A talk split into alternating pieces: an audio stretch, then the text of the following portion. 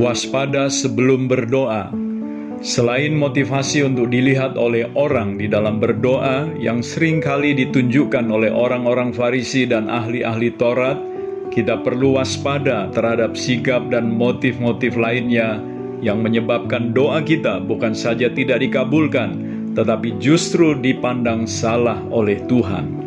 Yang pertama, berdoa dengan sikap menganggap diri lebih benar dan memandang rendah orang lain.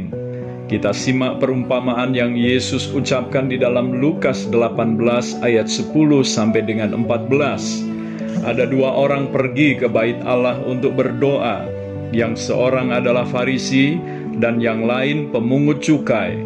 Orang Farisi itu berdiri dan berdoa dalam hatinya begini, Ya Allah, aku mengucap syukur kepadamu karena aku tidak sama seperti semua orang lain, bukan perampok, bukan orang lalim, bukan pezina, dan bukan juga seperti pemungut cukai ini.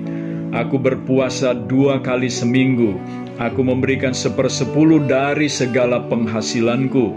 Tetapi pemungut cukai itu berdiri jauh-jauh, bahkan ia tidak berani menengadah ke langit, melainkan ia memukul diri dan berkata, "Ya Allah, kasihanilah aku, orang berdosa ini."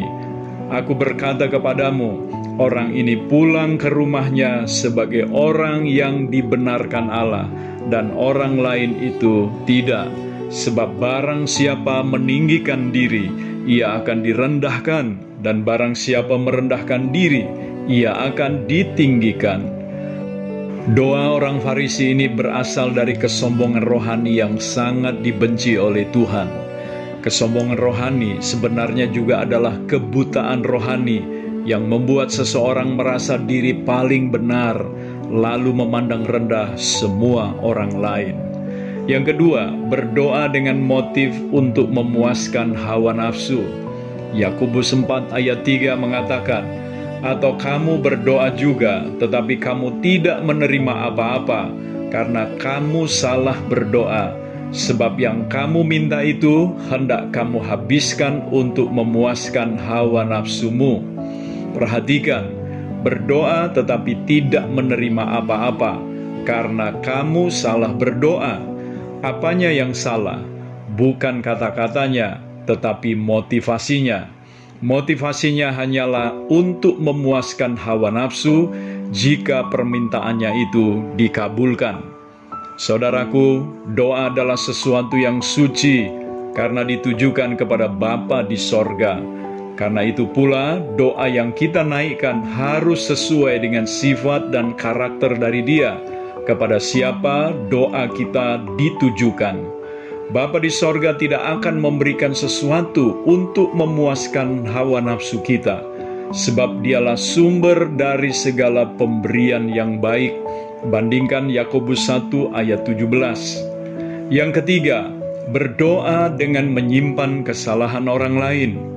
Tuhan mengatakan dalam Injil Markus 11 ayat 25, Dan jika kamu berdiri untuk berdoa, ampunilah dahulu sekiranya ada barang sesuatu dalam hatimu terhadap seseorang, supaya juga Bapamu yang di sorga mengampuni kesalahan-kesalahanmu Bapa adalah Bapa yang Maha Pengampun.